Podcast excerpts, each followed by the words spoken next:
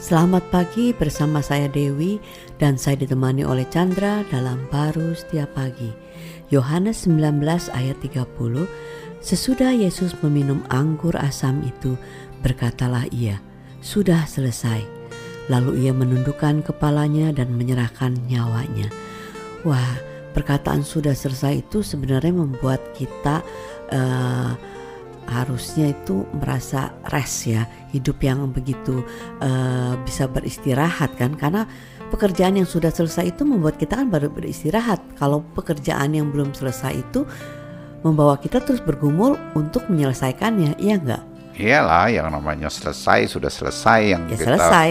uh, lebih bisa uh, ringannya hmm. enak ya kalau nggak selesai ya terganggu terus ya Betul. di dalam hidup ini tapi yang kita coba selesaikan itu udah nggak mungkin sebenarnya yang diselesaikan oleh Kristus ini. Nah sebelum itu maksudnya apa yang Yesus selesaikan di atas kayu salib itu apa buat kita? Iya kan dia sebenarnya dia sebagai manusia mati di kayu salib itu Betul. kan. Nah sebenarnya dia bukan mati sebagai manusia hmm. yang memang ada konsekuensi kematian. Hmm tapi sebenarnya konsekuensi maut itu terjadi karena ada manusia jatuh dalam dosa kan? Hmm, rupanya maut. Ya, sehingga dia menebus sebenarnya kematian Kristus itu ingin menebus kehidupan dosa yang mengikat manusia dengan kematian atau maut itu.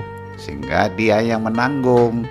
Nah, hmm. itu nggak bisa dilakukan manusia ya kan? Uh, sehingga hidup manusia itu selalu bergumul aja untuk lepas. Hmm, bergumul mungkin dalam uh, pekerjaan bergumul di dalam uh, urusan rumah tangga bergumul di dalam sekolah bergumul aja ya gitu ya, ya apa aja yang nggak ada kelihatan gumul pun dia bergumul karena hidupnya di bawah tekanan itu. Hmm. dia ingin lepas walaupun sekesapnya dia nggak uh, ada masalah orang lihat dari luarnya.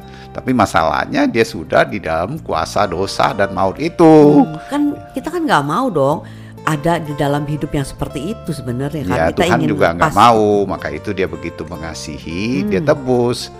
Dia bilang yang kita ingin selesai itu tidak bisa selesai. Tapi dia bilang sudah selesai. Nah itu yang kita perlu lihat dan percaya sehingga di dalam apa pun yang kita hadapi dalam hidup ini percaya sudah selesai dulu. Beda loh. Kalau dulu kita coba selesaikan. Hmm. Tapi kalau karena ada dia, ya sudah dengan iman percaya kepada dia. Tapi kan umum aja kan ada masalah ya kita harus selesaikan, ada tanggung jawab ya kita harus selesaikan. Yeah. Nah poinnya gimana kita menyelesaikan pekerjaan yang itu dengan uh, poin bahwa Yesus sudah selesaikan. Iya beda kan. Seperti contoh lah kayak anak. Misalnya dia mau sekolah. Ya ada bapaknya kasih uang sekolah. Kalau dia mau menyelesaikan dengan kekuatan dia uang sekolah ya dia nggak bisa kan? Hmm. terbatas. Ya kan? Sangat melelahkan. Yes. nah, sama dengan hidup kita yang baru. Karena ada hidupnya dia. Udah sejauh dia nah, maka dia menyertai kita dan tidak pernah meninggalkan kita hmm. dia menyatu dengan kehidupan kita sehingga ya apa aja yang kita hadapi kita ngelihatnya dari kacamata seperti itu sehingga ya eh, secara manusia kita jalani tapi hidupnya hidupnya Tuhan bersama dengan kita.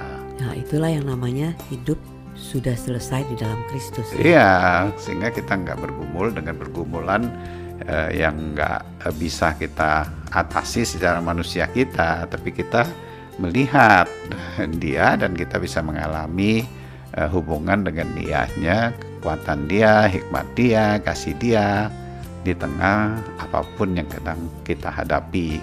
Amin. Amin.